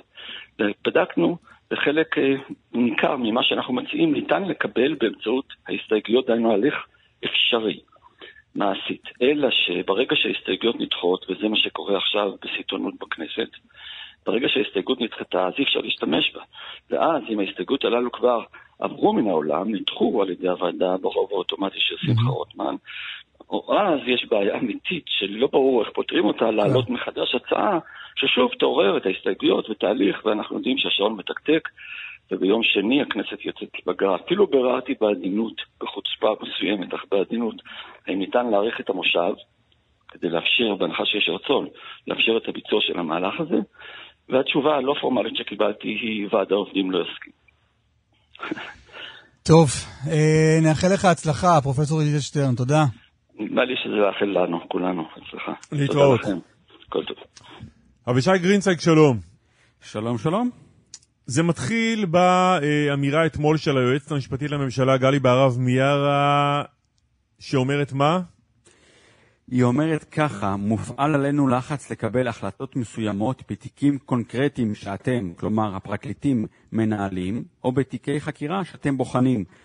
אה, אומרת היועצת המשפטית לממשלה, היא אומרת את זה בכנס של הפרקליטות, גם היא מורה לדוברות משרד המשפטים להפיץ את הדברים שלה, שיש לחץ אה, על הפרקליטות אה, לקבל החלטות מסוימות בתיקים קונקרטיים, בתיקים פליליים מסוימים. לא היא אמרה, שזה- היא היא לא אמרה מי מפעיל את הלחץ ובאיזה תיקים מדובר. כן, אבל היא אמרה, היא כן נתנה את זה חלק מקונטקסט של לחץ על אה, פגיעה בשומרי הסף, וחלק מהלחצים שמופעלים על הייעוץ המשפטי לממשלה, אה, ומאוד מאוד ברור ההקשר על מה היא מדברת, אלא שאיזה לחצים ובאיזה תיקים קונקרטיים היא לא אמרה. והדברים שלה כן עוררו סערה אתמול בבוקר בתקשורת, אבל הדברים שלה עוררו סערה לא רק בתקשורת, אלא גם בתוך הפרקליטות עצמה. בכירים בפרקליטות פשוט לא ידעו על מה היא מדברת, ונאמר בלשון לא עדינה. שוב רגע, דעתם- מה, מה, אנחנו, מה, מה אפשר להבין לכאורה, מה הפרשנות מהדברים שאומרת היועצת המשפטית לממשלה? היועצת המשפטית לממשלה אומרת, מופעלים עלינו לחצים בתיקים פליליים ספציפיים, קונקרטיים, אה, להטות את השיקול הדעת המקצועי שלנו, אה, בין אם על תיקי חקירה ובין אם תיקי, אה, תיקים שמתנהלים בבית המשפט. כל זה זה חלק מהמתקפה של הפוליטיקאים על מערכת אכיפת החוק ועל הלגיטימיות של מערכת אכיפת החוק. ועל... זה מה שאומרת גלי בהרב מיארה. היא היא מתכוונת, לא, עוד שנייה לפני הפרקליטות. אה, היא מדברת מה, על תיקי נתניהו? על איזה עוד תיקים פליליים מישהו מתעניין פה בכלל בהקשרים האלה? שגם מופעל לחץ. אז שאלה מצוינת, היא לא הסכימה אה, לענות במענה לשאלתנו על איזה תיקים מדברת, איזה לחצים היא מדברת, היא לא הסכימה לענות, אבל מעבר לכך, אני אומר, וואי וואי, הקו, טלפ... הקו שידור שלך אה, מטריף את המוח. בוא נעבור לקו טלפון רגיל, בסדר? נצא לפרסומות ולדיווחי תנועה, ואז נחזור אליך, כי אתה נשמע מתוך רכב חלל. הנה הוא חזר אלינו, אה, אבישי גרינצייג, כתבנו למשפט. אז אתה אומר, אתמול אה, הייתה סערה מסוימת בתקשורת אחרי הדברים של היועצת המשפטית לממשלה, גלי בהרב מיארה, כשאמרה, מופעלים עלינו לחצים... בתיקים ספציפיים? להטות... תיקים פליליים ספציפיים? פליליים. פליליים ספציפיים, להטות את uh, שיקול הדעת שלנו. ואתה נכון. הלכת לבדוק את האמירה הזאת כדי לנסות להבין למה היא מתכוונת. נכון מאוד, אז היא עצמה סירבה לענות על מה היא מדברת ומה היא מתכוונת, אבל uh, בכירי הפרקליטות אומרים, לא מכירים. אין, אין דבר כזה, אין uh, לחצים uh, בתיקי חקירה ספציפיים או בתיקים מתנהלים, שזה משהו מאוד מאוד חמור, אבל פשוט אנחנו לא מכירים שום דבר כזה. Uh, בהחלט יש לחצים בכל מה שקשור לייעוץ המשפטי לממשלה, אבל בתיקי, בתיקים פליליים אנחנו לא מכירים uh, דבר כזה. אנחנו בעצמנו האזנו uh, והזזנו באי נוחות כאשר שמענו את הטענה המאוד חמורה שלה. שלהבנתנו היא לא מבוססת ולא נכונה. אה, פנינו עם המידע הזה ליועצת המשפטית לממשלה, וזו טענה שמדובר למעשה בהמצאה, והיא מסרה, בעצם נמסר מטעמה, לא נגיב. אז היא טוענת לחצים פסולים, אני רק- אני. אחדד, אה, לא יודע מי אלה בכירי הפרקליטות, אבל כשהם אומרים שמה שהיא אומרת זה לא נכון, הם אומרים היועצת המשפטית לממשלה משקרת? יואי, יאי, יאי, יאי. הם אומרים. אה, אה, הם. אומרים. יומן, סגור לו את המיקרופון. הם אומרים. מה זה הדבר אני לא הזה? הייתי מעלה בדעתי להגיד דבר כזה, אבל אני שואל אם... זה מה שאתה אומר שהם. אומרים. אה, בוא נאמר ככה, לא צריך לומר שהיא משקרת, אפשר לומר שהיא לא אומרים את ה- אומרת- את ה... לא, אבל יכול להיות שהם לא מכירים את הלחצים שהיועצת מכירה? אבל היא מדברת על תיקים פליליים, על לחצים, אז לא מדברת על, אמרתי, ייעוץ משפטי לממשלה, אנחנו מכירים שבהחלט יש לחצים, גם ראינו אותם, אה, את הציטוטים במה שהיה בישיבת הממשלה על אה, ענייני ההפגנות. לא על זה היא מדברת. זאת אומרת, חוץ מזה, גם מופעלים עלי- עלינו לחצים בתיקים אה, קונקרטיים, זה, זה הניסוח שלה, ופשוט לכאורה אין שום דבר כזה. אתה אומר בתיקים קונקרטיים, בתיקים אה, פליליים, לא היועצת המשפטית נמצאת בבית המשפט, אלא הפרקליטים, ולכן אם היה משהו כזה, הם היו נכון. צריכים לדעת. אה, ואני אומר, היא הפיצה את זה לכל כלי התקשורת, ביקשנו לדעת על מה היא מדברת, היא לא, מסר... היא לא מסכימה לענות, אבל אני אומר, גם הטענה של בכירי הפרקליטות שמדובר בהמצאה, היא לא, לא מסכימה להתייחס ולהגיב. אה, מה נגיד? די מטריד. אבישי גרינצק, תודה לך. בוקר טוב. אה, תחזור שם לכתבה הזו בידיעות אחרונות, בממון. כן. תן את הכותרות שם, זה פשוט אצלך. אה, הם בדקו בממון אה, כמה עולה להזמין מלון או צימר בתחילת אוגוסט באילת בצפון, בים המלח ובתל אביב, וכמה נשלם על זה במקומות דומים בשארם א-שייח', טוסקנה, ירדן או לונדון. אה, והפערים מגיעים לאלפי אחוזים. יוסי פתאל, מנכ"ל לשכת מארגני תיירות נכנסת לישראל, שלום. שלום רב. זו שיחה שמקיימים אותה אחת ל... נכון, ואולי זה... טקס, ואולי זה מה שמטריד. נכון. שום דבר לא ה- משתנה. כי הדיבור הוא רק על מחירים ולא על הכשל המתמשך של הממשלה, שבעצם אין פה תוכנית אב לתחום התיירות. רגע, בוא, רגע, שנייה, שנייה, עוד רגע נגיע ללמה. אבל לגבי העובדות, העובדות ברורות, נכון? לא כדאי לצאת לחופש בישראל. תראה, על פי ארגון... יש לנו ארץ הכי הפורום יפה בעולם, אבל נורא יקרה. נכון, אה, אבל זאת לא הסיבה היחידה. לא, ארץ אה, יפה, מלונות, אה, לא חייבים להתאהב גם במלונות. יש לנו, תראו, יש לנו הרבה יותר להציע מה שיש לירדן ולקפריסין ולהרבה מדינות אחרות שעוברות אותנו, אין בכלל מה לדבר. אה, הבעיה היא באמת אה, חוסר תכנון וחוסר פיתוח ברמה של עשרות שנים. אמר את זה שר התיירות חיים כץ, המדינה צריכה להחליט אם היא רוצה תיירות או לא רוצה תיירות. כרגע הדבר הזה מופקר. ועדיין, למרות שהוא מופקר, תתפלאו לשמוע שהוא ענף הייצוא הרביעי בגודלו במשק. אה, אנחנו מכניסים דולרים כמו התעשיות הביטחוניות האזרחיות שמקבלים יחס של אתרוגים, אבל אלינו, מהענף שלנו מתעלמים. אה, אם תוסיפו אה, לזה שב-20 שנה הקרובות תנועת התיירות בעולם אמורה להכפיל את עצמה, ובישראל לוקח לבנות בית מלון עשר שנים, אז אתם צריכים לחשוב לבד כמה בתי מלון כבר צריכים להיות... אה, לא, אבל זה שאתה אומר שאנחנו, אה, ב- יש המון הכנסות, או אה, ענף ה... מה אמרת? למרות, למרות, למרות, נכון. כן, בסדר. אנשים גם קונים למבורגיני, אבל אני לא. עדיין אה, תיירים שרוצים להגיע לכאן, מבחינת הערך הכלכלי למדינת ישראל, ו-15% מקומות העבודה בפריפריה, ומכניסים דולרים למדינה, למרות כל מה שאמרנו, אה, בסדר גודל של התעשיות הביטחוניות. אז אתה אומר- אין סיבה בכלל. אין סיבה בכלל לבתי המלון להוריד מחירים. אה, תראה, ה- ה- התיירים כולם נותנים את הציון הנמוך ביותר לתמורה ועל הכסף, ולחוויה, לביקור פה, הם כולם חוזרים. הם אוהבים אותנו יותר משאנחנו אוהבים את עצמנו, בקיצור. הם באמת נהנים כאן.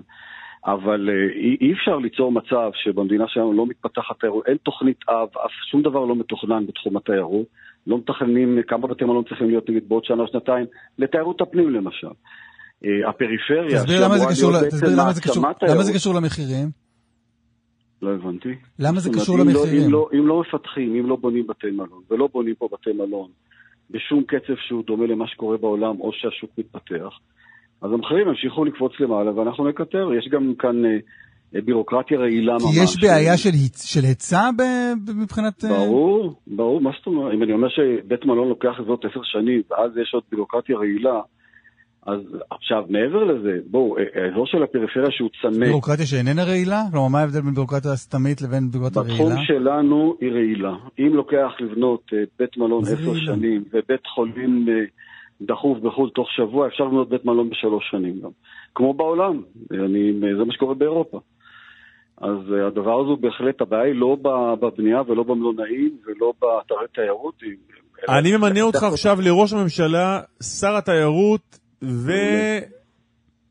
ומפקד חיל האוויר. מה אתה עושה כדי בעוד חמש שנים להביא אותנו למקום שבו המחירים שפויים? תראה, קודם כל, למרות שזה נשמע אה, אה, מתיש, קודם כל צריך לדעת באמת איזה תשתיות יש ומה אנחנו צריכים. עוד לא תכננו פה, כל תחום בארץ מתוכנן. אין איזשהו תמ"א תיירותי שאנחנו, מישהו יכול להגיד לך היום כמה חדרים חסרים בשביל שהמחירים ירדו? לא. איפה בונים בתי מלון? למה לא מפתחים את הבעלות? בנו 10,500 צימרים. כמה באמת עובדים? 2,500. למה אנחנו לא יכולים? אנחנו עם כן, רוב הצימרים לא... רוב מוחלט של הצימרים לא עובדים? רוב מוחלט של הצימרים, אם ת- עובדים באמת שהם חלק מהתעשייה ואנחנו יכולים להשתמש בהם, מדובר ב-2,500 בערך. זה וה-7,500 אומר האחרים, משהו מה איתם? לגבי הניהול של התחום. זה אומר משהו לגבי הניהול של התחום. מה קורה עם נורא ה-7,500 האחרים? כנראה לא הרבה. זה, בונים את זה הלוא בחצרות אה, של חקלאים וכולי. אגב, גם נושא התיירות, תראה איך הוא מפוזר. הלוא. יש משרד תיירות, יש משרד הנגב והגליל שיש לו תקציב תיירות, יש משרד החקלאות שיש לו תקציב תיירות כפרית, ויש את משרד התיירות. ולכן טוב עשה השר כשהוא אמר, חיים כץ, המדינה צריכה להחליט אם היא רוצה תיירות, ואם היא רוצה, לא, זה לא נגמר רק בזה. גם לקבל את התיירים כאן זה לא דבר פשוט, אם אתה מסתכל על מה קורה במעברים היבשתיים. אבל בוא בוא בוא רגע נחזור לעניין, בסדר? חשבתי שאני מדבר לעניין. לא, אתה מדבר לעניין שלך רגע, אני לא מרגיש שאנחנו מדברים לעניין שממנו יצאנו. בסוף, יולי-אוגוסט עכשיו, יולי בעיצומו, אוגוסט עוד לפנינו, אנשים אולי עדיין לא סגרו חופשות. אין באמת סיבה לתייר הישראלי להישאר בארץ ולנפוש פה, נכון? מבחינת מחירים, מבחינת... עלות התשובה היא. אם השיקול היחידי הוא מחיר, התשובה היא כן. תיירות זה דבר שהוא מורכב יותר רק ממחיר. עובדה שאנחנו יכולים לשלם על דברים שלפעמים הם בגדר אינפנטילי מחירים מאוד גבוהים. גם החוויה התיירותית, זאת אומרת, המחירים גבוהים, רמת השירות לא גבוהה. התהליך שאנחנו רואים כרגע זה שרמת המחירים עולה ורמת השירות יורדת. סטטיסטיקאי יוציא מסקנה שככל שהמחירים עולים, רמת השירות, אה, ורמת השירות יורדת, באים יותר תיירים. ואין לנו חדרים. אגב, תקופת הקיץ זה לא התקופה של התיירות הנכנסת, זה התקופה יותר של תיירות הפנים, ואין מקומות לישראלים. עכשיו, כשאתם מדברים על תיירות בישראל, יש ארבעה מוקדים עיקריים, זה אילת, ים המלח, אה, תל אביב, ירושלים. כל השאר זה כל השאר. והאזור הזה של סליחה שאנחנו הפריפריה הוא הקפצנו את. אה, סצנת המלונאות בחולון במהלך המשדר הזה. אבל בסדר, תמשיך. לא, אפילו זה לא הופיע בסטטיסטיקות, אז אני לא יודע מה להגיד בסדר. אתם תראו את זה בסדר. ברבעון הבא. שלא- תתפלאו כשתהיה קפיצה. תגיד, יוסי, אתה אתה יוצא לחופש בקיץ הזה? אני יוצא לחופש בקיץ לא. מתי? אה, כשיש פחות לחץ, אה, אני מטייל הרבה בארץ. החופשה הבאה שלך, לאיפה איפה תהיה? ואני עוד לא יודע, אז האמת היא שצריך לשאול את אשתי. תהיה בארץ? את אשתי. אשתי בארץ, כן. לא, לא, החופש יהיה בארץ? אני גם בארץ וגם בחו"ל. קצת הדיפלומט. לא, אני, אני איש שמטייל הרבה מאוד בארץ, מעל הממוצע, בעיקר בדרום, ולנסוע לחו"ל זאת לא בושה. לא בושה. המחירים האלה שמופיעים בממון, זה מחירים שאתה מכיר, נכון? זה לא איזה המצאה, זה נראה לך משהו מחובר למציאות? שהפורום הכלכלי הבינלאומי דירג אותנו במקום ה-117 מתוך 117 מדינות. עכשיו, כמו שאמרתם בהתחלה, זה טקס קבוע. המקום האחרון? 117 מדינות דורגו ב-2021, ואנחנו במקום ה-117 ברמת תחרותיות לתיירים, למה אתם מתפלאים? אגב, כתוב שם היית באותה ב- כתבה 116 שציינת- היית אומר, קלמן חשב אוקיי. שאנחנו היה לנו- פשוט. היה רגע, לא, שנה לא, לא, אבל זה מעניין היה שנייה. לנו שנה של 115, אני רוצה שנרגיע. כן? אה, לא- אבל הידרדרנו. תגיד, מי נמצא נגיד מקום אחד או שניים מעלינו? סליחה? מי נמצא מעלינו, מקום אחד או שניים? אני לא זוכר, אני מסתפק ב- בטראומה של ה-117. אבל יש, תהיה אופטימי, מפה אפשר רק לעלות.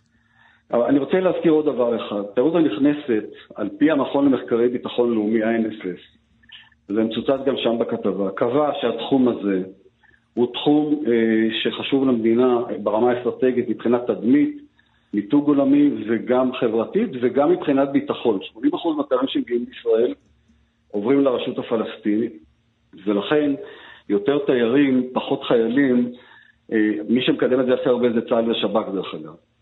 אז גם בנושא הזה אין את ההתייחסות כמו שמגיע. אין מספר, אין שום גורם מקצועי אובייקטיבי שיכול להגיד שהדבר הזה הוא לא נדרש. אה, מצד שני, היחס הוא נובע בעיקר מהקונסטלציות הפוליטיות ולא בגלל חשיבות אה, כלכלית אה, ואסטרטגית למדינה. טוב. טוב. יוסי פתאל, תודה רבה לך. תודה לכם. חופשה נעימה איפה שלא תהיה. מה קורה בכנסת? נשאל את כתבתנו בכנסת, דקלה אהרון שפרן, שלום. בוקר טוב, חברים. מה קורה? מצוין, מה שלומכם? או וואו, באת עם צעקות. הנה, הפיד נכנס תוך כדי. השתדלתי לתת מענה נכון. מאוד מהיר. נכון, וכך יהיה גם ביחס להצבעות של חברת הכנסת... מה שומעים? אנחנו רואים כאן את אה, היועצת המשפטית אה, של אה, הכנסת, שגית אפיק, שנדרשה בעצם לוועדה בעקבות אה, טענות של חברי אופוזיציה על הפרוצדורה, אה, על כך שכרגע מה שמדובר בו הוא שכשמכריזים על איזה רוויזיה להסתייגות מצביעים, תכף נסביר אולי מה זה אומר, בעצם לא אומרים על איזה הסתייגות מצביעים, בעצם חברי האופוזיציה, אם אנחנו מסתכלים רגע בזום אאוט, טוענים שהם לא יודעים על מה הם מצביעים. אז אה, היועצת המשפטית אה, של הכנסת, עורכת הדין אה, שגית אפיק, בעצם מלווה את ההצבעות אה, עכשיו באולם אה, הוועדה, והיא אומרת שבאמת צריך להקריא בדיוק את מספר ההסתייגות, גם במקביל, אלא אם כן יש הפרעות ליושב ראש. על זה כרגע נסוב שם הדיון, אם אתם אה, רוצים להאזין עוד רגע, בואו נצטרף. אם, גם אם אחרי שאני כבר הכרזתי את התוצאות ואפשר להתקדם לבא, אם מבקשים לתקן ולשנות, הוא אומר... מאשר את זה, אומר את זה, אומר את זה בקולו, ומבחינתי זה מתוקן, אני מאשר את זה לפנים משורת הדין, כל זמן שאין בזה לשנות את תוצאות ההצבעה. אם זה יבוא בשביל, למצב שזה משנה את תוצאות ההצבעה, אני אחזור על ההצבעה בהתייעצות עם הייעוץ כן, המשפטי. אבל... אוקיי, אז בעצם, אה, כן. תשמעו, אנחנו בעצם אה, שומעים כאן איזשהו פלפול אה, פרוצדורלי, אבל בעצם מאתמול בערב חברי ועדת החוקה מצביעים על ההסתייגויות הרבות אה, שהוגשו, כמעט 28 אלף הסתייגויות להצעת החוק אה, לצמצום עילת הסבירות. בעצם חברי, חברי הוועדה היו צריכים להצביע על ההסתייגויות האלה במקבצים של 20 הסתייגויות בכל פעם. כלומר, עוד לפני שהתחילו, בוא נגיד בהצבעות הראשונות, הם נדרשו להרים אצבע, אני ספרתי, 1,383 פעמים, זה רק בשלב הראשון, לאחר מכן היו גם רוויזיות להסתייגויות, בעצם בהמשך אה, הליך העבודה כאן בוועדה. וכרגע העיניים הם על השעון לקראת השעה 11, מכיוון שאז אמורה להתחיל אה, אה, מליאת הכנסת. העבודה בוועדה הייתה אמורה, אמורה להסתיים עד אז, אבל אומרים לנו עכשיו שיכול להיות שזה לא יקרה, ולכן יצטרכו לפנות ליושב ראש הכנסת כדי לקבל ממנו אישור אה, להאריך את הדיון בוועדה כאשר המליאה כן. מתכנסת. בכל מקרה אנחנו מדברים כאן בעצם על אה, על התקדמות לקראת אישור סופי כאן בוועדת ברור. החוקה, לקראת אה, ההכנה של הצעת החוק לקריאה שנייה ושלישית, מה שצפוי בעצם לקרות ביום ראשון בבוקר, אז תתכנס אה, המליאה לתחילת הדיון לקראת ההצבעות. אוקיי, דקלה, תודה רבה לך. תודה. עוד רגע בן רובי יהיה פה. קודם נוב ראובני, כתבי ענייני בריאות, שלום. שלום חברים. אהלן. כמה אה, רחבה ההשבתה הזו במערכת הבריאות? אז צריך להגיד, האמת שלא מאוד. קודם כל היא כבר כמעט uh, מסתיימת. בקופות החולים היא הייתה בין 8 ל-10, בבתי החולים בין 8 וחצי ל-10 וחצי. Uh, וזו שביתה שאני חושב שאפשר להגיד שהיא בעיקר uh, סמלית, הצהרתית. רוב הפעילות ממשיכה להתקיים. Uh, במרפאות קופות החולים, נגיד בעיקר בכללית ולאומית, היו uh, שיבושים, uh, ובין השעות האלה לא הייתה קבלה של... Uh, אה, רופאים. ראיתי שמכבי ומאוחדת הוציא- ו- ראי- ראיתי שמכבי הוציאה הודעה שהיא לא שובתת. נכון, מכבי ומאוחדת הן שתי קופות חולים שבהן ה- רוב הרופאים שמועסקים מועסקים כעצמאים, אה, ולכן הם לא בדיוק אה, שבתו, כלומר הקופה המשיכה לתת שירותים כרגיל, מי שרצה לשבות יכל לתאם את זה עם המנהל הישיר שלו. לקחת אה, יום חופש על חשבונו ו- ולשבות. כן, נו- נובי, אבל יש לנו הערכה כמה אחוז מהרופאים אה, לא הגיעו בשעתיים האלה? אה, אגב, אני חושב שרוב הרופאים הגיעו ויצאו לאספות מחאה והפגנות שמתקיימות בשעות האלה מחוץ אה, לבתי החולים. בקופת חולים לאומית למשל אמרו שהרופאים יגיעו, אבל ייתנו מענה רק למקרים דחופים. כאמור, אני חושב שמדובר בעיקר בשביתה הצהרתית שלא נועדה אה, לייצר כאן איזושהי פגיעה משמעותית ומורגשת בשירותים שניתנים היום. היא- היא- כאילו, רוב הטיפולים התקיימו או נדחו לשעות מאוחרות יותר, והאמירה כאן של ההסתדרות הרפואית היא שההסתדרות לא מוכנה אה, לחיות עם הנוסח הנוכחי של עילת הסבירות, היא חוששת ממנו מאוד, מדובר מבחינתם על פגיעה אנושה שיכולה להיות במערכת טוב, הבריאות, כן, והצעד הזה. הוא ראשון ויחריף אה, מבחינת ההסתדרות הרפואית. אם החקיקה תימשך. תודה רבה, נוב. תודה, תודה. בבקשה, חברים. עומר בן רובי, שלום. אהלן. שלום אסף, שלום קלמן. הבוקר בארון השירים היהודי ראש חודש אב. מי שנכנס אב ממעטין בשמחה, ככה נאמר במשנה. ואנחנו נציין את תחילתם של תשעת הימים בהשמעת בכורה רדיופונית לפיוט סליחות ותיק מאוד בביצוע חדש. אני מדבר על הפיוט הידוע והמרגש בזוכרי על משכבי, שחיבר לפני אלף שנה רבי יהודה אבן בלעם, מגדולי משוררי יהדות ספרד. הביצוע החדש לפיוט הוא של שי צברי יחד עם אנסמבל הפיוט בניהולו האומנותי של יאיר הראל. ומתוך האלבום החדש, סיור סליחות, מסע חווייתי אל פיוטי הסליחות ותפילות הימים הנוראים. האלבום כולל ספר מהודר עם המון מידע ותיעוד היסטורי עשיר ביותר, אקדמי מאוד, יחד עם שירים מוקלטים. כמה מילים על הפיוט בזוכרי על משכבי, מבוסס על דבריו של דוד המלך, שלאחר שחטא העדיף להיענש בידי האל ולא בידי אדם. הפיוט שזור פסוקים מהתנ"ך, כולל פנייה ישירה של המשורר לאלוהים, בבקשת מחילה מתוך אמונה שתפילת האדם הרי לא תידחה. הוא גם מזכיר את אה, אה, מסירות המתפללים שהשכימו קום, זה כבר שולח אותנו לעוד חודש בדיוק, ראש חודש אלול, חודש הרחמים והסליחות. הפיוט מסיים ב"עושה שלום במרומיו". אז הנה זה כבר ברקע, חדש, ממש, מהיום. שי צברי ואנסמבל הפיוט, בזוכרי על משכבי מתוך סיור סליחות, ושיהיה ראש החודש הזה סוף וקץ לכל צרותינו. אמן, תודה רבה, עומר.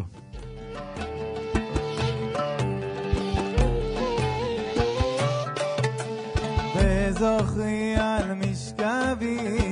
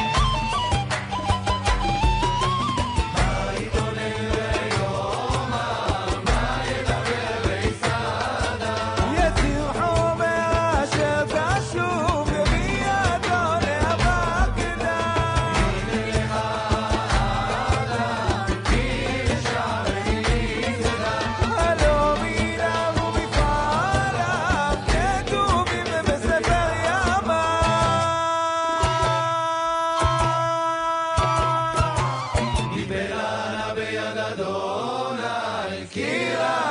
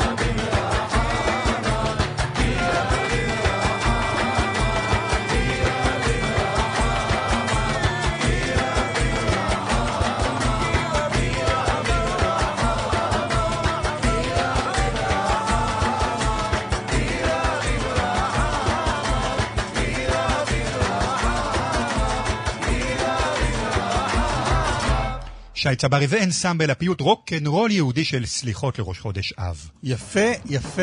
עומר בן רובי, תודה רבה לך. לא רק לך, אגב, תודה. תודה גם לאיתמר דרוקמן שערך, נדב רוזנצוויג הפיק, יאיר ניומן. יאיר ניומן. תודה רבה. תודה, תודה יאיר. היה על הביצוע הטכני. הביצוע הטכני יוצא מן הכלל. כן, איזה ביצוע, אה? ממש. לא רק אה, שי צברי והנסמבל פה נתנו ביצוע. מוקד התנועה, אהוד כהן, סדר יום עם קרן נויבך, אחרינו קלמן ליבסקין, תודה רבה. אסף ליברמן, להתראות. יאללה ביי.